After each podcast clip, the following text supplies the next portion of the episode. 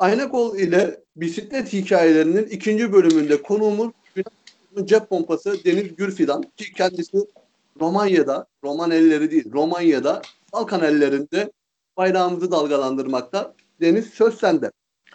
Merhabalar, ee, Deniz Gürfidan ismim. 24 yaşındayım. Ee, yaklaşık 5 senedir Bükreş'te yaşıyorum. Bükreş'te ikamet ediyorum. Bekar senelik... ablalara duyurulur. Ee, ben hala bakirim. Onu belirtelim lütfen. Yanlış reklam yapmayalım. Şaka bir yana 5 senedir Bükreş'teyim. Bisikletle de yaklaşık 8-9 yıllık bir ilişkimiz, bir geçmişimiz mevcut. Güzel. Bayağı bir güzel. Şiddetli ilişkilerinden bahsedelim. E, Deniz. Tabii. Söz sende. Duraksamak yok. Eski 2000, yok. 2012 yılında başladım ama bisiklete e, çok küçük yaşlardan itibaren bir tutkum, bir meram vardı her zaman için. E, tabii o dönemlerde dağ bisikleti çok çok popülerdi. Özellikle de Tekirdağ'da yaşadığım için. Ee, asfalt yolu bu kadar güzel olup, bu kadar güzel yol bisikleti rotaları olup, dağ bisikletinin bu kadar popüler olduğu bir şehir ben bilmiyorum Türkiye'de var mıdır? Ee, dediğim gibi 2012 yılında kendime 3 boy büyük bir bisikletle başladım. Yani bisiklete e Zaten yatarak... hepimiz böyle yapıyoruz. Yani kazıklanarak deneyim sahibi oluyoruz. Kesinlikle. Yanlış yönlendirilerek deneyim sahibi oluyoruz. Ee, şuna eminim ki e, doğuştan yol bisikletine başlayan bir bisikletçi ben daha tanımadım. Hem sektör içindeki tecrübeme hem de e, bisiklet spor ve kültüründe dirsek teması içinde bulunduğum birçok kulüp, dernek, oluşum içindeki de e, yaşananlara dayanarak konuşuyorum. Herkesin geçmişinde bir dağ bisikletçiliği var. Bu da tabii ki yanlış yönlendirmelerle oluşan bir şey. Hani ben satış adamı olarak konuşmak gerekirse müşterilerime daima soruyorum dağ bisikleti ya da arazi bisiklet almak isteyen müşterilerime hakkınızda gelen ilk patikayı, ilk orman yolunu bana söyler misiniz diyorum. Zaten 5 tane içinde bir cevap yoksa müşterim dağ bisikletine yönlendirmiyorum kesinlikle. Büyük ihtimalle orada bir error oluyordur. Ben de öyle tahmin ediyorum. Ee, çünkü bisikletin yani dağ bisikletinin alınma sebebi ben kaldırımdan inerim, kaldırıma çıkarım, oraya çarparım, buraya çarparım. Dayanıklı bir şey olsun. E tabi dağ bisikleti de görüntü itibariyle e, yol bisikletinden çok farklı. E, daha ki. kalın tekerlekler, etli daha büyük, etli butlu olması aynen öyle. E, insanlara daha cazip geliyor, daha dayanıklı, daha sağlam imajı veriyor. E, benim de aklımda olan buydu aslında. Yani bisiklete de e, başlamamdaki en büyük vesile o dönemlerde e, kanal ismi verebiliyor muyuz? Nasıl? Kanal ismi verebiliyor muyuz? Marka olarak mı? Evet, evet. Reklam yapabiliyor muyuz? Bisiklet markası söylemende bir beis yok. Neticede istediğimizde bok atıyoruz, istediğimizde de övebiliyoruz burada. Süper o zaman. Ee, Aksel bisikletten almıştım. Bianchi marka bir bisikletti. Ve dükkandaki Olur, arkadaşlar bu 10 numara bisiklet çok güzel bisiklet deyip bana 3 boy büyük bisikleti verdiler. Neyse e, o bisikletle ben ilk sene düştüm. 5 tane kaburgamı çatlattım. Bisikletin çok teşekkürler. Bisikletin e, fren kolları patladı. Hidrolik disk frenliydi bu arada. Ve e, o dönemlerde çok yaygın değildi. En azından benim bulunduğum bölgede çok yaygın değildi. Servis ağı yoktu. Parça yoktu. E, bu da bana çok güzel bir ders verdi. E, malzeme alırken birçok arkadaşımız soruyordur, sana da soruyordur. Ben evet. en iyi malzemeyi almak istiyorum. Ben piyasadaki en yüksek seviye malzemeyi almak istiyorum mantığında yaklaşan birçok insan vardır. Tabii ki bu bütçenin el verdiği bir şey. Ama e, benim bu noktada tek bir tavsiyem olabilir. O da tecrübeden edindiğim bir tavsiye. E, satış sonrası desteği yoksa bir teknoloji çok çok yeni ise ve e, onu tamir edebilecek bozulduğunda veya bir problem yaşadığınızda ayarlayabilecek, tamir edebilecek yetkinliğe sahip kişiler yoksa etrafınızda çok yanaşmamanızı öneririm. Ee, tabii ki son tercih yine sizde ama bu benim edindiğim bir tecrübe. Bundan sonraki bisikletlerimde de bunu her zaman için göz ardı, e, her zaman için göz önünde bulundurdum. Göz ardı etmedim. E, Deniz ve senin geçmişini bilen birisi olarak konuşuyorum. E, Günah Çukuru'nun reisi Ufuk Bey'den aldığım bir çelik kadro vardı. Götünde kırıldı. Tıpkı benim Evet, bisikletimi evet. kırmak gibi. O nasıl gelişti koçum? Anın sıçkası nasıl kırdın koca bisikleti? Ya şöyle e, o benim üçüncü bisikletimdi. Dağ bisikletinden sonra yavaş yavaş yol bisikletine doğru evrildi bisiklet macerası. E, bir trek bisikletim vardı. Trek FX 73. Onu da e, Gürkan abinin, Gürkan Genc'in kendisi de Çukur'dadır. E, ona da selam olsun. Onun bloglarında gördüm. Bir yanında bir arkadaşı vardı. Yine Trek FX kullanıyordu. Hani Alman'da bir katkısı olmuştu o dönemlerde. Ondan sonrasında yine Ufuk abiden çelik bisikleti aldım. Yol bisikletine bir merakım vardı. Çünkü hani e, tur bisikleti daha ince tekerlekli nispeten daha büyük lastiklere sahip bir bisikletti. Daha bisikletine göre çap olarak. Ama e, yüksek süratlerde yani benim için yüksek dediğim o dönemlerde 35-40'tan sonra gerçekten bisiklet gitmiyordu. Bayır aşağı veya serbest düşüşte bile. Ee, Ondan sonrasında dediğim gibi yol bisikletine geçiş kararı aldım. Çelik bisiklet istiyordum. Ee, O dönemlerde okuduğum makaleler vesaire ve klasik tasarım. Ee, Bunda bir etmendi. Ufuk abiden bisikleti aldım. O yaz çok güzel vakit geçirdim. Müthiş rotalarda pedalladım. Ee, en Markası ne? En Le Monde'tu. 98 model bir bisikletti. Benim 96'lı Evet. olduğumu düşünürseniz hemen hemen yaşıttık bisikletin kadrosuyla. Ee, retrofit bir kadroydu. Yani eski model bir kadro olmasına rağmen üstünde güncel parçalar vardı. Shimano 105 vardı. Yine fiyat performans olarak Ufuk abi 105 ile toplamıştı bisikleti. Yani gerçekten estetik olarak, görüntü olarak güzel bir bisikletti. Göze hitap eden bir bisikletti. Ee, dört arkadaş Tekirdağ'dan çıkıp bayramı e, İzmir'de geçirmek istiyorduk. İkinci günü de e, Geyikli'de kaza geçirdim. Gruptaki bir arkadaşım e, biraz dikkatsizdi. Ben de fevri davranıp önünü kesince yaklaşık 55-60 kilometre saatte kazaya karıştık. E, ve çelik kadrom alt borudan kırıldı o dönemde. Tamir ettirmeye e, çalıştım ama birkaç tane yurt dışında usta e, hatta Tomasini'ye yazmıştım. Bu tarz bir bisiklet e, tamir olabilir mi diye. Güvenli değil dendi. Ondan sonrasında yine Türkiye'deki e, iki ustaya da yazdım. Bir tanesi kesinlikle ben karışmam.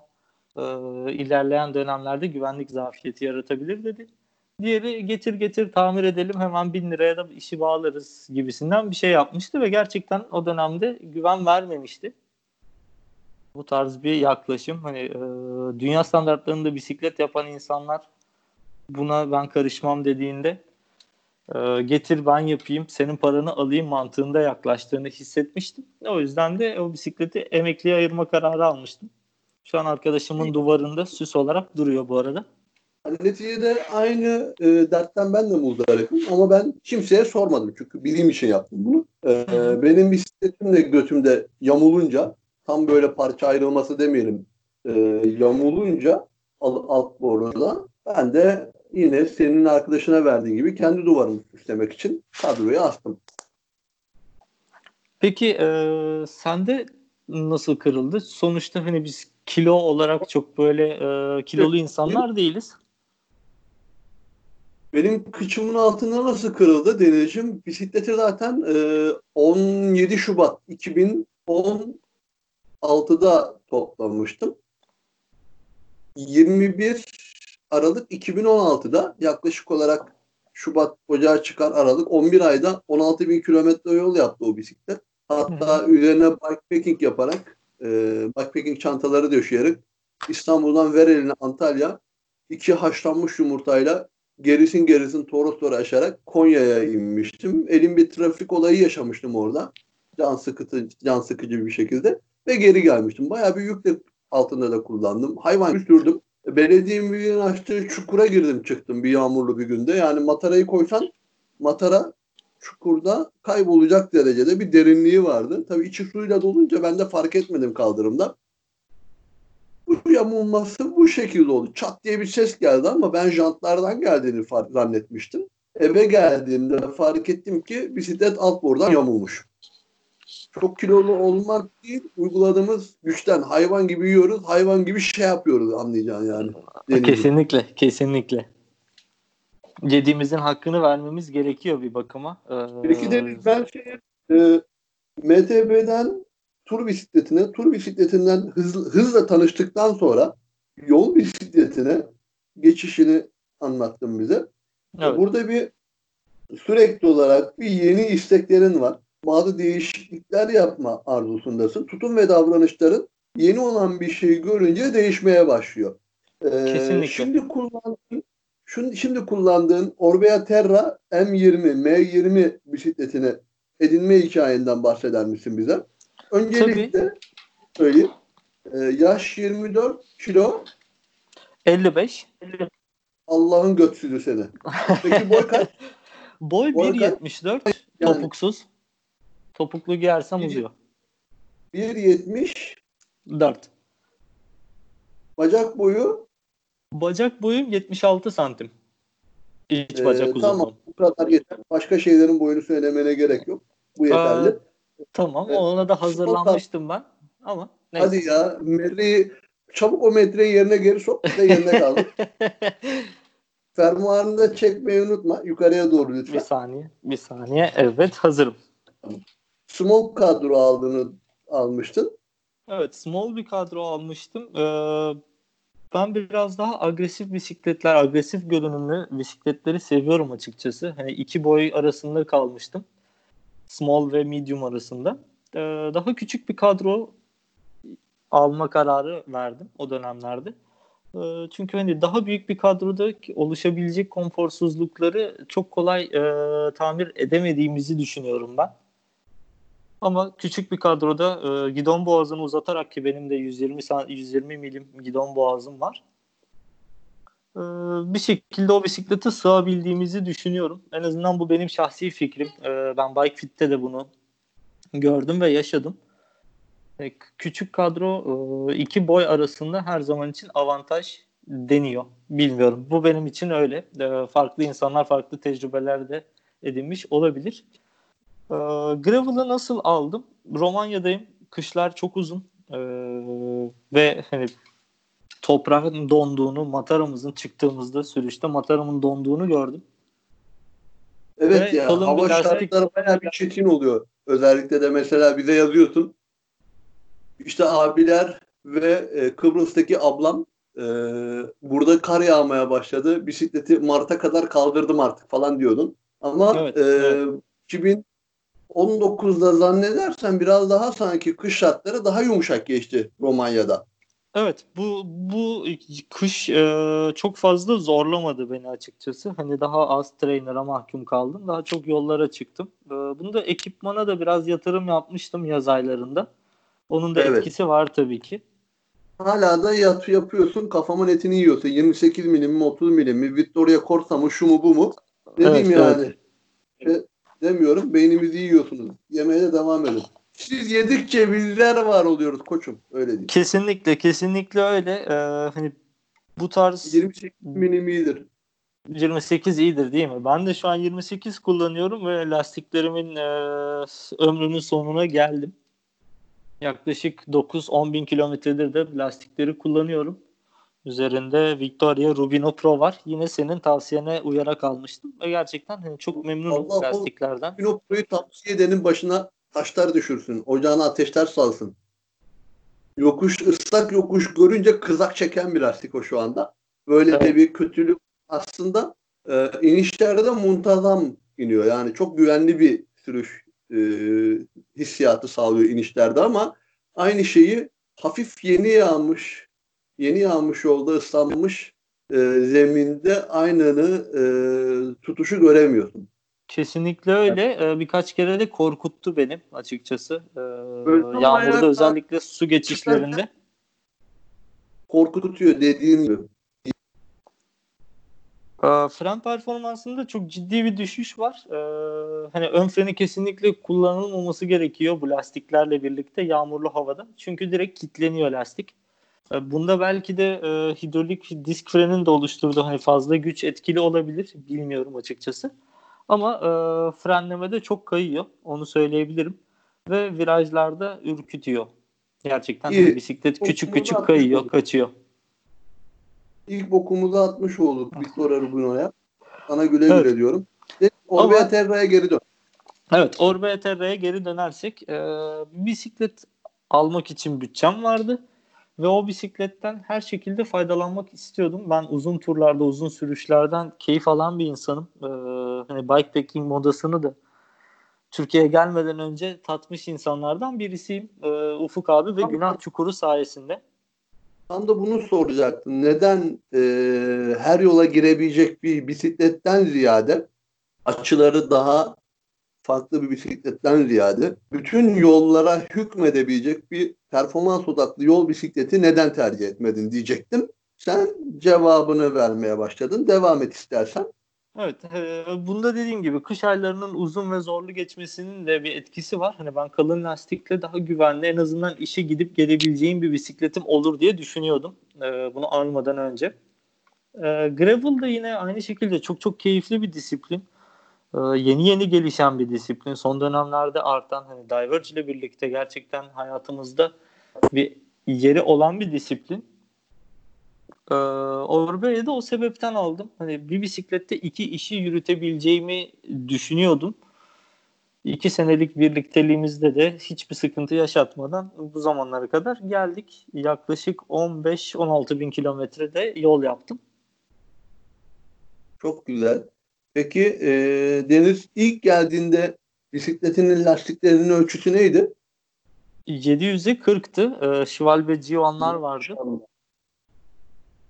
Beklediğimden daha e, hızlı bir lastik. Onu söyleyebilirim öncelikle. Ama tabii ki yolda arkadaşlarımda yol bisikleti olan da var e, ve onlarla sürüşlerde yoruluyordum. Yani gerçekten kondisyonum onlardan iyi olmasına rağmen lastiklerin bir dezavantajını hissediyordum. E, konforlu mu? Kesinlikle konforlu. Hani o kadar etli bir lastiğin yol lastiğine göre konforsuz olması imkansız. Ama dediğim gibi hız tarafında e, eksik kalıyordu. Lastikler çünkü yola çok iyi tutunuyor ve e, uzun süratlerde, uzun e, yüksek süratlerde, uzun sürüşlerde bir dezavantaj. O sebepten bir yol lastiği seçtim çünkü jant alacak param yoktu. Hala da yok. İki senede bir biriktiremedim.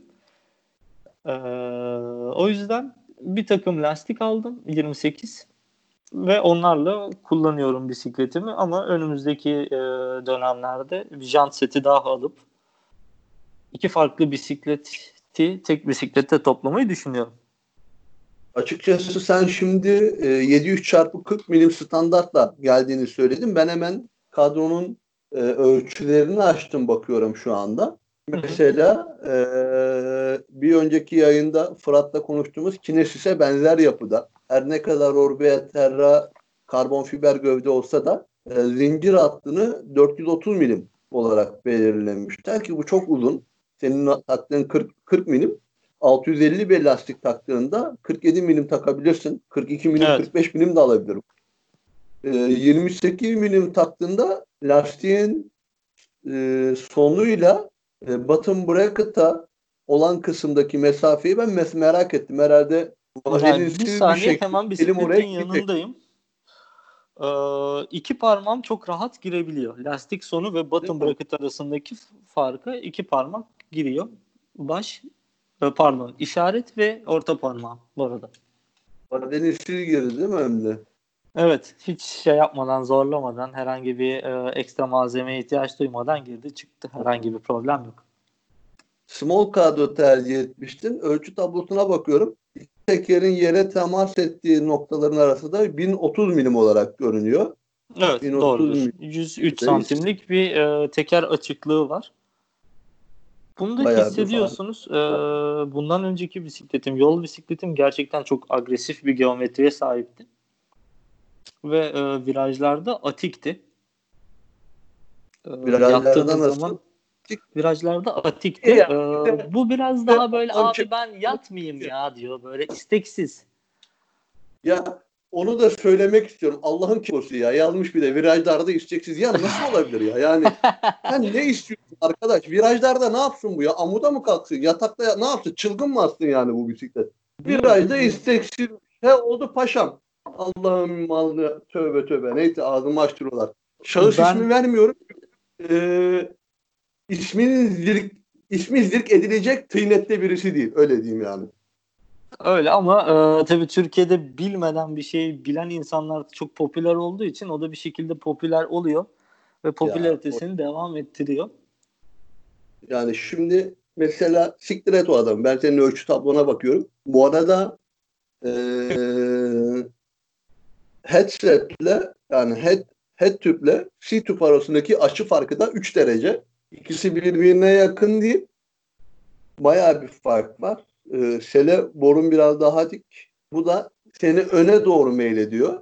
Aslında sıfır setback sele borusu kullanıp body geometri sonrası 120'lik boğa da kullanmak seni biraz öne vermiş oluyor. Hani evet. bisikletin e, doğal olmayan agresifliğini sen body geometri fitle çözmüşsün şu anda.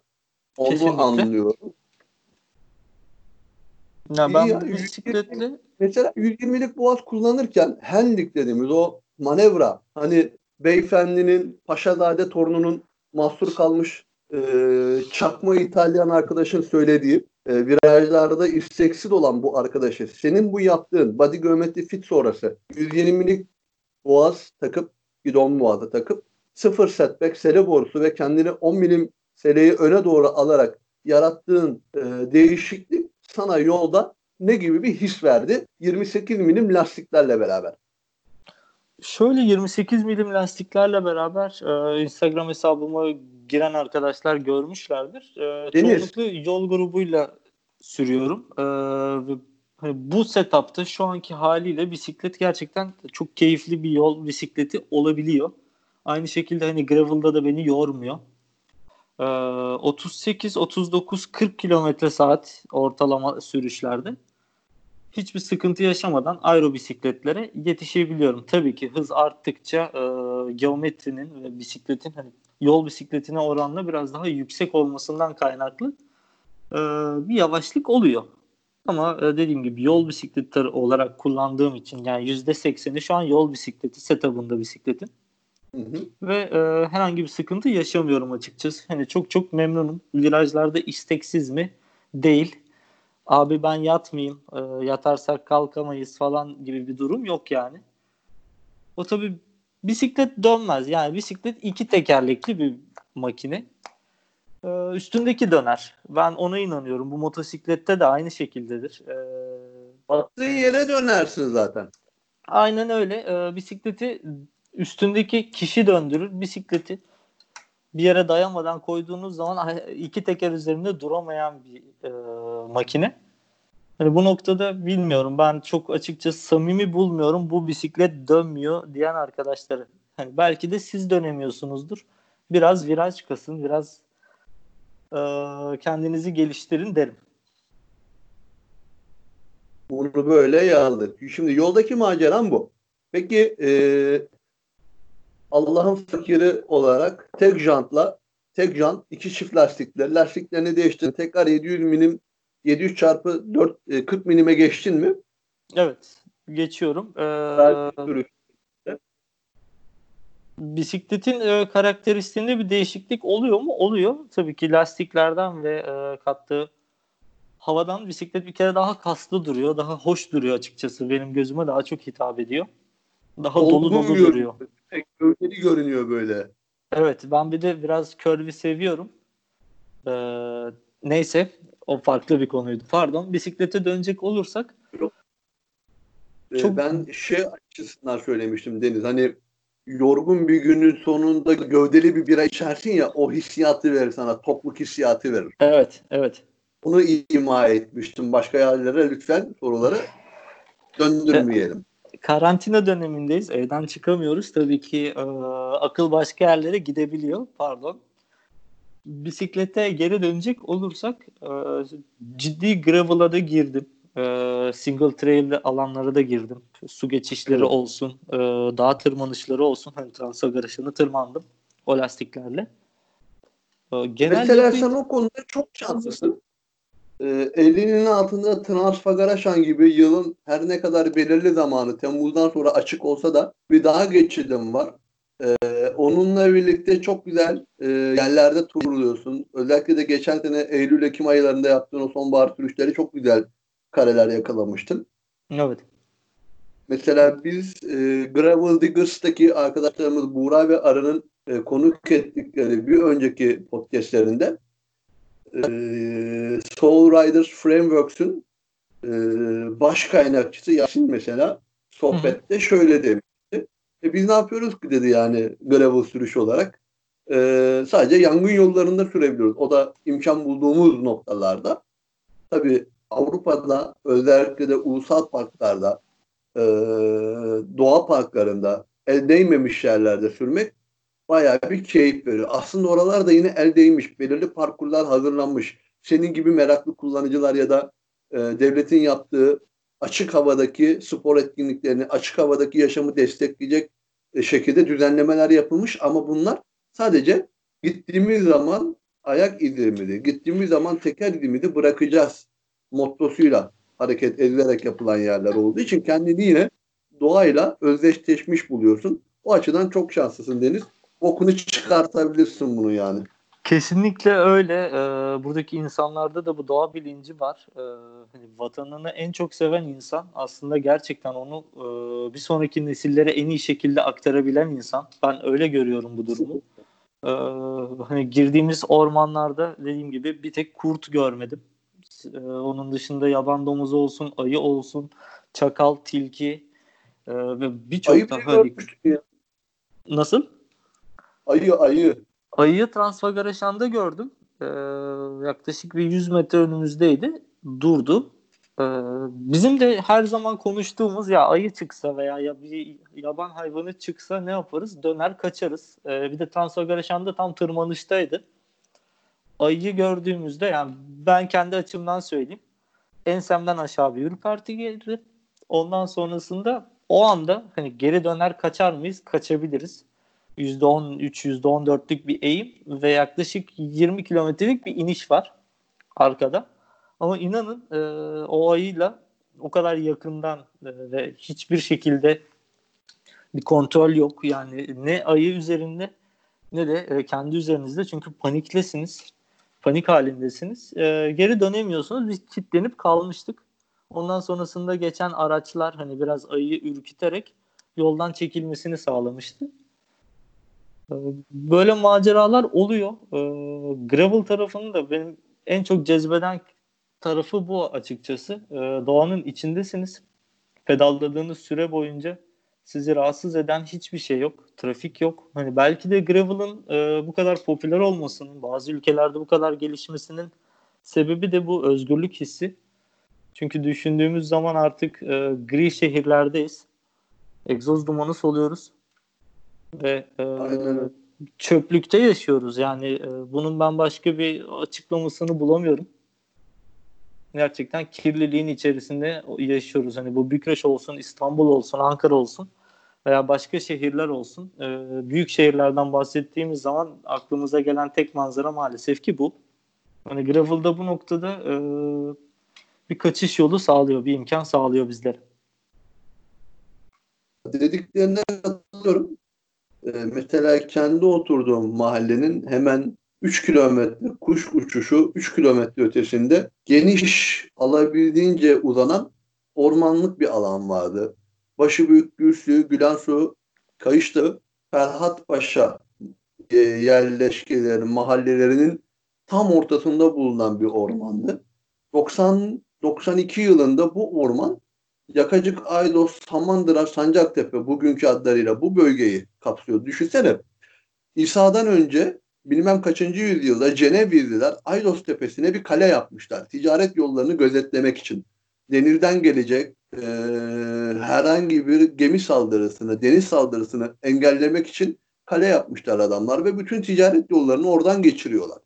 Ama biz ne yapmışız? Bugün o yol oraları yıkmışız, talan etmişiz. Oralardan ormanın içinden otobanlar geçirmişiz. Otobanların kenarında evler yapmışız. E, o evler gittikçe genişlemiş mahalleler olmuş ta ki diğer otobanların sınırına dayanana kadar. Yani bugün Yine oraları gördüm. Veterinere gitmek için bisikletimi atladım. En temiz yol benim için şu anda bu evde kalma süresi boyunca. Veterinerden Kesinlikle. birkaç ilaç alırken yine aynı yolu kullandım ve durup arkama baktığımda bir hilkat garibesi gördüm. Dağın öte tarafında kümelenmiş çarp, çarpık bir şekilde evler yapılmışken bana bakan tarafında yani dağın batı yamacında nizami bir şekilde birbirinden izole edilmiş, ayrılmış evler ve insanlar bütünü gördüm. Hani bütün geleceğe bıraktığımız tek şey bu beton yığını açıkçası. Bunu görmek beni üzdü. Bir iki üç dakika önce yokuş çıkarken ormanın maviyle birleştiği çizgiyi görmek beni mutlu ederken yokuşu bitirip inmeye başladığımda bu korkunç manzara beni hüzünlendirdi. Yani dediklerini bu bağlamda birleştiriyorum. Hani özgürlük hissiyatı bu açıkçası. Bisiklet zaten bize o dinamik dengeyi sürdürdüğümüz vakit bu hissi sonuna kadar, iliklerimize kadar yaşatıyor. Geride bırakıyoruz sürekli olarak. Bütün tantanamızı, bütün koşturmamızı, bütün o kent kalabalığını, kent ışıklarını geride bırakıyoruz. Ama sonuçta yine de oraya doğru deriniyoruz. Maalesef öyle. Ee, hani gerçekten bu üzücü. Ee, umarım bir noktada biz de yaptıklarımızın farkına varırız insan olarak, insanoğlu olarak ve e, geçmişe dönüş olur herhalde. Veya bunu temenni ediyorum. Ee, hani doğanın bir parçasıyız. Doğanın hükümdarı değiliz. Bunu işte onu idrak bir an önce görmemiz yani, gerekiyor. Onu idrak edemiyoruz. Yani doğanın bizim hükümdarlığımızın altında olduğunu zannediyoruz ama şu e, Aralık ayından beri yaşadığımız koronavirüs COVID-19 SARS-CoV-2 günlerinde nefes almanın bile ne kadar büyük bir lütuf olduğunu fark ettik. Kesinlikle öyle. Kesinlikle öyle. Ee, hani şu ana kadar edindiğimiz tüm mal, mülk, arabalar, binalar, onlar bunlar e, tamamen vasıfsız bir şekilde hayatımızdan çıktılar. Hani, e, önemli olan şey ne oldu? Sağlık oldu. Düzgün bir şekilde yaşayabilmek oldu. Yani umarım bu şekilde de devam ederiz. E, doğanın bir parçası olduğumuzu unutmayız diyorum. Tamam. Ee, Bükreş'in gravel parkurlarından bahsettik. Peki Bükreş'te ya da Romanya'da bisiklet kültürü nasıl? Şöyle e, bisiklet kültürü gelişmiş. Özellikle dağ bisikleti kültürü Romanya çok dağlık alan olduğu için ve e, bisiklet markalarının gerçekten bu noktada e, çok teşviği var. Bunun altını çizmek istiyorum. Bir kültürü yaymak istiyorsanız e, bunu temelden başlamanız gerekiyor. Yani bisikleti e, sadece satayım modunda ilerlemiyor. Çoğu şirkette de görüştüm burada bisiklet aldığım süreçlerde e, ihtiyaçlara yönelik bisikletlere yönlendiriyorlar. E, ve dağ bisikleti gerçekten çok popüler Romanya'da. Yani 2000 euroluk bir arabanın üstünde 15-20 bin euroluk dağ bisikletleri görmeniz çok olası. Her hafta sonu ülkenin evet. farklı yerlerinde yarışlar organize ediliyor ee, ve her her kesime hitap eden, her bisikletçiye hitap eden yarışlar. Ee, downhill'den tutun normal bir cross country veya bir gravel yarışına kadar e, bunları görebiliyorsunuz. E, bu noktada bisiklet Hatta kültürü... böyle bir maceran oldu. Hatta böyle bir maceran oldu. E, Breve, Breve kart hatta aldın. Böyle bir evet, yarışa katıldın. Evet. Yanlış hatırlamıyorum. Doğru, doğru. Bunlar... Ee, uzun yol olarak da e, gerçekten hani randone dediğimiz e, tarzda yarışlar, sürüşler çok popüler burada hani 50 kilometreden 25 kilometreden hatta başlıyor. 25, 50, 100, 150, 250, 500, 600, 1000, 1500 kilometrelik e, brevet sürüşleri oluyor. E, ben de bunlardan 150, 100 ve 50'liğine katıldım. O dönemki kondisyonum buna el veriyordu. E, ve çok çok keyif aldım. Yani ben yarışmayı çok sevmiyorum bisiklette. Antrenmanım ve hayat tarzım buna çok uygun değil. Ee, hani bir sporcunun gereksin, gerektirdiği şeyleri yapamıyorum açıkçası. Ee, Çünkü bütün kötü alışkanlıklar sende. Alkol evet, var. Ki, kesinlikle. var. Gün aşırı seks var. Ne iş yapıyorsun oğlum sen Romanya'da? Biz yeme bak. Programcıyım diye gittin oralara. Ahlaksız. Farklı sponsorluklarım da var. Ee, bisikletimin altında görmüşsünüzdür belki. Brazzers sticker'ım var. Onlar da benim sponsorum diyeyim. Ee, evet. Çok detaya inmeden konuyu kapatayım. Yani, bisiklet kültürü Peki, olarak. Deniz, Deniz, Deniz bir evet. soru soracağım hemen. Hemen cevaplamanı istiyorum. En sevdiğim pozisyon. Yani ama şey e, bisiklet tek sürerken. Tek, tek teker abi. Çok seviyorum. Kaldırmayı çok seviyorum. ön kaldırmayı. Peki. Evet ön kaldırmayı. Ben senden droplara yatmayı beklerdim ama ön kaldırmak dedim maalesef. Öyle oldu. Evet. Sonra e, bir de başına şöyle bir macera gelmişti. Ondan da bahset istersen. E, bisikletin bir gün bir hastanenin bahçesindeyken kendi başına değil de başkalarının yürütmesiyle yürümeye çalışmıştı yanlış hatırlamıyorsam. Evet, evet. Maalesef öyle bir tatsızlık olmuştu ama e, hani bunda benim de biraz ihmalkarlığım oldu açıkçası kameralara güvenerek. Çünkü girişinde, hastane girişinde bisikleti bıraktığım yere kadar e, 6 tane güvenlik kamerası vardı. Ve buna gerçekten dikkat etmiştim. E, Kasım'da oluyor bu olay. E, ve bisikleti kilitledim ama herhangi bir yere sabitlemedim. Sadece arka tekeri bisikletin sit tübüne bağlamıştım. Öyle kilitleyip bırakmıştım. Ondan sonrasında e, şanslıydım diyeyim. Çünkü bisikleti kaybedebilirdim. O noktada gittim hırsızı yakaladım. Sonrasında da e, karakolluk olmuştuk diyeyim. Yalnız ya, e, yani öyle bir kötü anım oldu. E, ondan sonrasında da hani bu biraz e, farklı bir arayışa itti beni açıkçası. Hani şu an bu bisikletle e, şehir içi kullanımda kullanmıyorum. E, farklı bir bisiklet istiyorum şehir içinde.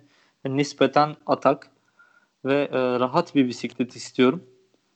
Onun Herhalde bu zaten yeni bisiklet virajlarda istekli olur yani. Abi yat demeden yatması gerekiyor bisikletin. Ben artık bunu istiyorum bisikletten. Viraj görünce ben hiç e, yatırmadan direkt kendisi dönse çok daha iyi olur aslında. Basacaksın düğmeye kendi gidecek. Aynen, aynen öyle. Aynen öyle. Nice, nice. Peki Deniz e, yine senin ağzından duyduğum yeni bir değişiklik, yeni bir istek. Yine tutum ve davranışın değişti. Bundaki etken elindeki pahalı bisikleti hor kullanabileceğin alanlar dışında gündelik aktiviteler ve hırsızlık gibi olumsuz e, olayların dışında tutabilmek için herhalde basit bir şey almayı düşünüyorsun. Kesinlikle. Ama şunu da biliyoruz. Artık e, kazıklanarak deneyimlenen ve eline biraz para geçtikten sonra iyisini isteyip gerçekten bu uğurda iyi malzemeler alıp el emeği, göz nuru bir ortaya bir güzellik yarattıktan sonra hiçbir şey eskisi gibi olmuyor. Eskisi gibi olmuyor derken e, az da yetinmemeye başlıyoruz ve yine işin ucunu kaçırıp bokunu çıkartarak pahalı şeyler almış buluyoruz kendimizi. Yine böyle mi olacak? Ee, şöyle söyleyeyim hani şu anda her işimi yapan bir bisikletim var ee, ama onun dışında bir tane şehir içinde kullanmak için e, bir fixed bisiklet alabilirim veya bir single speed alabilirim. Yani şu an fixed e, bana çok güvenli gelmiyor. O kadar çok sürebileceğimi düşünmüyorum açıkçası. Hani Fransız bir bisikleti kontrol etmek şehir içi trafiğinde o sabah trafiğinde karmaşasında biraz zor ve riskli görünüyor. O yüzden bir single speed bisiklet istiyorum. İlk aşamada hani bu tarz bir yatırım olacaktır. Ee, ondan sonrasında da tamamen kendime özel bir bisiklet istiyorum. Ee, bu da herhalde biraz egoist oluşumdan mı kaynaklı? Onu tam çözemedim şu anda ama e, zamansız bir makine istiyorum. Timeless bir makine istiyorum. Timeless Kadrosu... geldi. Sedat bunlar hep senin yüzünden. Yani custom bir bisikletin yani şöyle söyleyeyim fabrika çıkışı aldığınız bir bisikletin bir model yılı var. Bu benim bisikletim mesela 2018 tamam custom renklerini ben seçtim. Üstündeki ekipmanı, jantlarını, lastiklerini ben seçtim ama e, farklı bir bisiklet de olabilir. E, sen veya başka birisi girdiği zaman web sitesine aynı bisikleti tasarlayabilir ve geometrilerin hepsinin aynı. Kişiye evet. özel biraz daha custom bir bisiklet istiyorum. Bunun da sebebi öncelikle hani benim ihtiyaçlarımı anlamam, anlatmam ve ona yönelik bir bisiklet olması. Onun dışında da dediğim gibi model yılına markaya bağımsız bir şekilde bir bisikletin e, sahibi olmak istiyorum. O sebepten Güzel. bir custom bisiklet düşünüyorum. Çelik bisiklet düşünüyorum ama e, çok yakın vadede olacağını da çok düşünmüyorum açıkçası. Artan Aa, kurdan. Araba, araba var. Arabayı ya daha bitirmedin. Ev alacağım Kesinlikle. diyorsun. Kesinlikle. E, araba devam ediyor. Arabayı ödüyorum. Onun dışında e, ilerleyen dönemlerde hani kendi evimi de almak istiyorum ama bisiklet için ekstra bir bütçe ayıracak mıyım? Evet ayıracağım. E, bu çünkü benim hobim. Benim tutkum e, ve insanın da tutkularına, hobilerine para ayırıyor olması bence bir lüks değil, bir ihtiyaç. Çünkü genelde e, toplumda şöyle bir algı var. O o paraya bisiklet alınır mı? Evet, alınır. Yani kesinlikle alınır. Çünkü e, bunu söyleyen insan her gün belli bir miktar parayı sigaraya ayırabiliyorsa bisiklete de ayırabilir veya farklı bir alışkanlığına ayırıyorsa bisiklete de ayırabilir diyorum. Açıkçası ben sektör içinde olan biri olarak yine bu lafı ikinci kez kullandım. Sakın götü kalktı falan demeyin gerçek bu. Ee, insan gerçekten hobisinden kısmıyor. Neticede bu bizi insan yapan olgulardan birisi. Yoksa e, bir hobimiz, bir bize değer katacak alışkanlığımız yoksa her gün işe gidip gelen fabrika yığınlarından bir farkımız yok. Öyle, Dolayısıyla gerçekten öyle. E, dolar olmuş 7.16 mutlu musunuz diyenlere inan. Dolar kaç olursa olsun yine şek bu şekilde bir şekilde pardon e, alış devam ediyor ama az ama az. Şu anda devir eldekiyle idare etme, eldekini parlatıp yüceltme devri, yenileme devri değil, yüceltme devri. Yani yenileme tabii ki olacak serviste. E, yenileme yine olacak. Ufak tefek parçaları değiştirip mutlu olmakla. Yani küçük bir parçanın değişikliği büyük mutluluklar getirecek zaten. Yani fiyat bağın bağımsız olacak şekilde hobi insanı hayata tutan, hayata tutunmasını sağlayan bir niştir. Aynen öyle. Hani zorlu geçen bir günün ardından çünkü sonuçta ben de ofiste çalışıyorum. Bir plazada geçiyor günüm. Ee, ve hani çok farklı şeyler yaşayabiliyoruz gün içerisinde. Bu özel hayatımızdan olabilir, profesyonel hayatımızdan kaynaklı olabilir. Sıkıntılarımız oluyor, dertlerimiz oluyor ama ben kendi adıma söyleyeyim. Ee, günün sonunda eve gelip üstümü değiştirip yola çıktığımda ve e, iki tekerin üstünde olduğum sürede tüm bu sıkıntılardan, problemlerden arınmış bir şekilde eve geliyorum. Ve e, benim canımı sıkan, günümü o zamana kadar, bisiklete bindiğim zamana kadar mahveden şeyin e, ne olduğunu bile hatırlamıyorum. Çok güzel. Bu bile bu bile e, gerçekten başlı başına bir şey benim için. Çünkü insanlar yani hani günümüzde e, psikologlara vesaire tonla para harcıyorlar. Birçok terapiste gidiyorlar, yaşam koçuna gidiyorlar. Ama bence insanın mutlu olabilmesi için önce kendini tanıması gerekiyor. Ee, ben kimim? Ben neyden hoşlanıyorum? Veya ne yapsam ben mutlu olur mu? Bir içimizde sorgulamamız gerekiyor bence. Yani çok doğru bir noktadan konuştun açıkçası. Ee, Fırat'la konuştuğumuzda sürekli olarak araba parçalarından bahsetti paşam, emlakçı arkadaş. Soranlar olmuştu. Fırat mühendisliği bıraktı. Şimdi ne yapıyor? Arkadaş önceleri altın tüccarlığı yaparken ki bunun adı sözlükte kuyumculuktur. Şimdi de emlak danışmanlığı yapıyor. Bu da emlakçılığın yani iki masa bir bilgisayar dört afişle yapılan işin yeni adı da bu. Emlak ve gayrimenkul danışmanlığı. Ee, kendisi şu anda yaptığı iş bu. Ee, ama hep de arabalardan bahsetti. Topuz, fren topuzu, Yok işte devriyaj.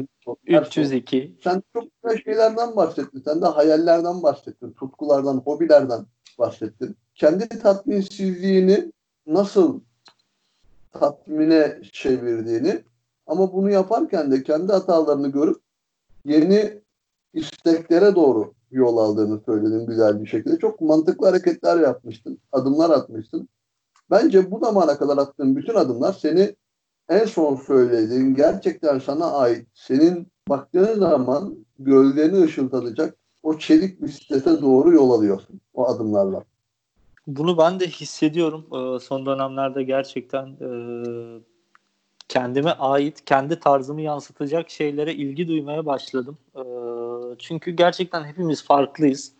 Her ne kadar okulda da hepiniz aynısınız, hepiniz eşitsiniz, osunuz busunuz diye bize eğitilse de, o eğitim bize verilse de e, günün sonunda tarzımız, hayata bakış açımız farklı. Aynı olayların içinden bile geçsek e, bize bıraktığı etkiler tamamen farklı. Bu noktada da e, biraz dediğim gibi bazılarına şımarıklık gelebilir. Hali hazırda güzel bir bisiklete sahipsin. Ve neyin tatminsizliği bu diyebilirler. Ee, o da onların tercihi ama gerçekten size ait, size özel bir şeyin olması insanı mutlu ediyor. Özellikle de tutku tarafında bunu e, yansıtabiliyorsanız hayatınıza bir şeyler katmışsınızdır diyorum ben. Az önce bir kedi miyavlası, miyavlaması duydun mu? Ee, Ciroşko geldi galiba. Aynen. Mamasını yedi hanımefendi katır kutur. Şimdi de hanımefendinin yatağının üzerinde oturduğum için bana tip tip bakıyor miyavlıyor. ne oldu kızım? Bu arada Ciroşko'nun ismi de Giro d'Italia'da Vincenzo Nibali'nin 2016 yılında zafere uzandığı seneden geliyor. O zaman sahiplenmiştik kendisini. Garip gureba kızım benim. Vincenzo da ne kazanmıştı o sene be. Var ya yer gök Nibali, yer gök Squalo falan diyorduk böyle ya. Aslan Nibali. Yalnız bu arada Deniz fark ettiysen 43. dakikadan beri ikimiz de birbirimizi güzelliyoruz. Çok sevdiğimiz Ankaralı yoldaşımız Kaan Bey açılışta yapmadığımız ancak kapanışta yaptığımız bu güzellemeleri fark edip bize diyecektir. Ay siz ne güzel birbirinizi ponçikliyorsunuz yeri bizi götürdü falan der herhalde. Büyük ihtimalle e, onu da Yanzak koyuna bekliyoruz o zaman bir sonraki buluşmamızda. Yanzak aslında onunla da konuşuruz ya. Neyse Kaan'la da konuşacağım. Kaan seni de çok seviyorum. Ufuk seni de çok seviyorum. Neyse onlar sevilere kalsınlar. Bunlar bizim arkadaşlarımız, can yoldaşlarımız. Umarım dinleyen sizler de bir gün bu şekilde sevdiğiniz kişilere canı gönülden sevdiğinizi söyleyip hissettirebilirsiniz ve bu arkadaşları da tanıyabilirsiniz. Ee, Denizciğim birçok şeyden bahsettik. Toparlamak gerekirse açılış, tanıtım, girizgah bunları geçter, geçelim. Ee, tecrübesizliğinden, satış sonrası destekten, amaçlarından, amaçlarına seni ulaştıracak hedef adımlarından, tatmin duygunun bir türlü e, gerçekleşmemesinden ve yeni istekleri sürekli olarak çekmecende durmasından bahsettin. Yol bisikleti mi alayım yoksa gravel bisiklet mi alayım derken kendini gravel deryasında buldun. Özellikle de bilim yönlendirmemiz bayağı bir baskın oldu. Ki öyle, sen zaten öyle. bu zevki almışsın. Bikepacking olarak, tur bisikletçiliği olarak yoksa hangi insan evladı Trakya'dan kalkıp da İzmir'e gitmeye kalkışır ki? Yani yolun zaten belliymiş senin yani. Günahın belliymiş sevabından önce. Aynen, aynen öyle. Ee... kırılan bir kadrodan bahsettik ve zaten kendini de sonrasında zaten bulduğun sular doğru sular olmuş.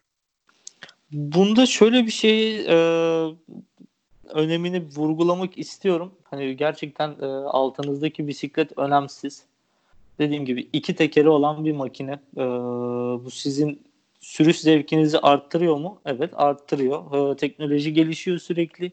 Malzemeler değişiyor, gelişiyor. E, ama onun dışında hani, keyif alınması gereken şey bence elimizdeki bisiklet. Onun bisikleti daha iyiymiş, bunun bisikleti daha iyiymiş diye e, kendimizi depresyona sokmayalım derim ben. E, çünkü en iyi bisiklet kendi bisikletin en iyi bisiklet senin sürdüğün bisiklet. Tabii ki hayallerimizin olması önemli. Yaşıyoruz. Her şey değişiyor. Etrafımızdaki her şey. Aynı şekilde bizler de. Ama e, hani bunu dinleyen arkadaşlar diyecektir. E, iyi bir bisikleti var vesaire. Tekrar edeyim. E, bu benim bisiklette olan tatminsizliğimden değil. Kendi tarzımı yansıtmak istememden kaynaklı. Ama bisikletimden çok mutluyum. Çok memnunum. E, daha öncesinde hani çok kalitesiz bisikletlere de bindim. Belki de hayatımda hiç sahip olamayacağım bisikletlere de bindim. Memek'in Trek SLR gibi. 3T ee, Strada gibi. 3T diyelim. Sonrasında oradan da linç yiyeceğiz çünkü. Ee, S-Works'ler yine aynı şekilde. Ben Vayas'a bindim. Çok güzel makineler. Çok keyifli makineler. Nasıl? Dibin düştü değil mi Vayas'a binince? Ya çok farklı bir bisikletti ve ilk bindiğim e, o düzeyde bir aero bisikletti. Tasarım olarak çok hoşuma gidiyor. Hatta şöyle bir şey söyleyebilirim. Yeni e, Vench'leri çok beğenmiyorum. Çok daha köşeli hatlara sahip olduğu için, o kıvrımları kaybettiği için. Ama ilk çıkan modeli gerçekten hani bence yaptığı en iyi tasarımlardan bir tanesiydi. Tabii bunun arkasındaki teknoloji vesaire değiştiği için hani yeni kadro çok daha ayrıdır veya çok daha avantajlıdır yarış koşullarında. Ee, ben yarışan bir insan değilim. Dışarıdan bisikleti seven, binen bir insan olarak söylüyorum. Benim göz zevkime daha çok hitap ediyordu o bisiklet. Mantıklı. Az önce zaten bahsettiğin şey ben de çok birçok arkadaşıma söylüyorum. Daha doğrusu hani fikir almak isteyenler de oluyor. Mesaj atıyorlar her türlü kanaldan. Alınmış bir bisiklet daima en iyi bisiklettir. O yüzden El Alem Terör Örgütü denen örgütün dediklerine aldırmayın. Kimsenin sizin para biriktirerek, hayaller kurarak, paradan da önemlisi, aldığınız bisiklete bok atmasına izin vermeyin. Bakın burada konuşma boyunca Rubino'ya bok attık. Ee, isteksiz virajların efendisine bok attık. El terör örgütüne bok attık. Ama hiçbir zaman alınmış bisikletlerin tercihine bok atmadık. Haksız mıyım? Öyle. Kesinlikle öyle. Çünkü bu gün sonunda e, tamamen size ait olan bir şey. Yani biz bir bisiklette iki kişi seyahat edemiyoruz. Bunu bir kere e, veya el alemle bisiklete binemiyoruz. Bu bisikleti aldığın zaman, yola çıktığın zaman tandem olmadığı sürece tek başınasın sen varsın ve senin altındaki makine var e, ve yol var. Yolu güzelleştiren insanlar tabii ki öyle. Hani makineler değil, parayla alınan şeyler değil. E, Günah Çukuru da bunun e, en güzel örneklerinden bir tanesi bence. Çünkü hani bin liralık bisikleti olan arkadaşlarımız da var mıdır bilmiyorum. Yalan söylemeyeyim ama. E, var lan var. Enes var ya. Yani Cana- evet. Canavar, canavar keşifte. keşifte. Ve şu anki kurla e, 80-90 bin liralık bisikletlere binen arkadaşlarımız da var. O ben oluyorum. Sen varsın, e, Memik var. Yani bisiklet ortalamasını çok çok yükseltiyorsunuz aslında. Sizi biraz böyle törpülemek gerekiyor. Tabii canım biz de az şerefsiz değiliz. Aynen, aynen öyle. Bütün e, Kayseri bir arkadaş var hatırlarsan. O da az şerefsiz değil. Neyse onu da ayrıca konuşacağız onunla da. O arkadaş beni çok sever kendisi. Sağ olsun. Ben de onu çok seviyorum. Sağda solda sıkmasın diyorum. Onu da söyleyeyim. Geri Yok da olandan bahsetmiyorum ben. Sıskı olandan bahsediyorum. Ha sıskı olan. Onu çok seviyoruz. O, onun yeri bizde ayrı zaten. Onunla da bir an önce sürmek istiyorum. Ee, bu arada evet ana fikre geri dönecek olursak hani gerçekten bisikletlerden ziyade yolu yol yapan, keyif veren sürdüğünüz arkadaşlarınız, sürdüğünüz insanlar. Ee, dikkat etmeniz gereken şeylerin en başında bu var. Sizi destekleyecek insanların olması çok çok önemli. Ee, hatırlarsın Aydın abi sen de ben Transfer ilk çıktığım zaman, ilk bikepacking turumu yaptığım zaman çok kötüydüm. Ee, 38 evet. derece ateş, e, ciddi bir kusmayla zorlu bir dağ geçidini tırmanmıştım. Yanımda kimse yoktu. Tektim tamamen ilaç bile yoktu. Ama e, dediğim gibi yolu yol yapan insanlar vardı etrafımda. O moral motivasyonla gerçekten çıktım. E, sen Transkontinental'e katıldın. Yine aynı şekilde e, Berk. Farklı coğrafyalarda aynı duyguları yaşıyoruz. Öyle. Kesinlikle öyle. Hani benim de dinleyen arkadaşlara, dinleyenlere tavsiyem, naçizane tavsiyem sevdiğiniz insanlarla yapın bu işi. E, çünkü çok daha keyifli. Bisikletleri alırsınız, bir şekilde elinize para geçer. Para biriktirirsiniz, çalışırsınız. Piyangodan çıkar. Hani bisikletler gelip geçici. O insanlarla yaşadığınız sohbetler, muhabbetler kalıyor, anılar kalıyor geriye. Bu noktada e, dikkat edilmesi gereken en önemli şey bu bence. Toparlayalım. Toparlayalım. Mesela ben az önce toparladım. Sen yeniden bir konu açtın ve az önce çok da güzel bir şey söyledin. İki kişi bir bisiklete binmiyoruz. Turuş boyunca bisiklet ve siz varsınız. Başkası değil. Bu da evet. kapak olsun el alem terör örgütüne. Ee, bayağı bir konudan bahsettik Deniz'ciğim. Ee, ayağına, pedalına ve beynine sağlık diyorum.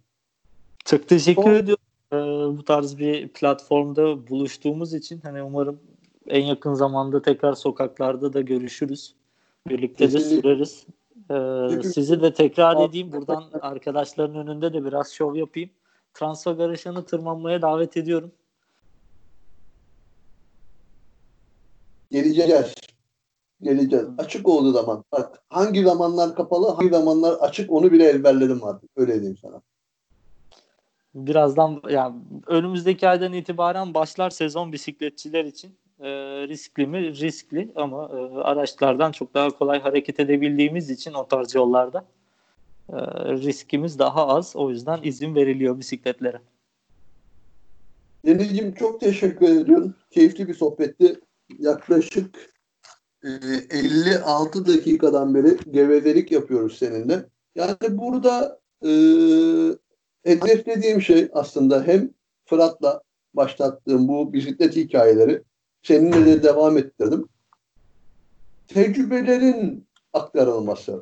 Konuşmanın başında da açılışta da yaptığım gibi, söylediğim gibi ki senin de acı deneyiminle taşlandırdığın kazıklanarak bilgi sahibi olmamızı engellemeye çalışıyoruz aslında.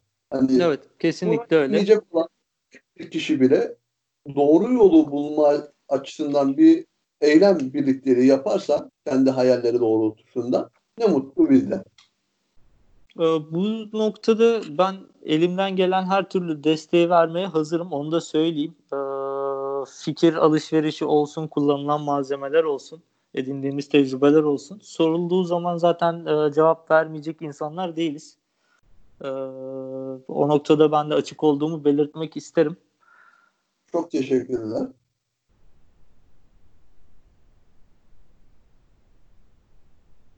Deniz'ciğim çok teşekkür ediyorum tekrardan.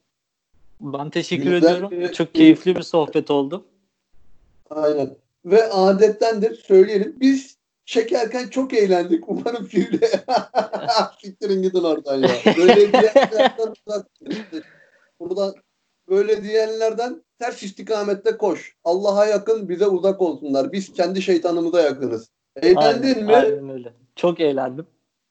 Tamam eğlendiysek bitti. Bizde kalsın. Onlarda değil. O zaman Deniz'ciğim seni... Bizimle eğlenenlere selam olsun o zaman. Tabii. Bütün çukurdaşlarımıza çukura girip de çıkamayanlara, çıkarken kovullara ve de birlikte pedalladığımız herkese sonsuz selamlar. Yoldaşlar hepinizi çok seviyorum. Oldu mu kapanış? Çok iyi oldu. Çok teşekkürler tekrardan. Peki. Hoşça kalın, sağlıkla kalın ve bisikletle kalın. Teşekkürler Deniz'ciğim. Sağlıcakla. Sevgiler.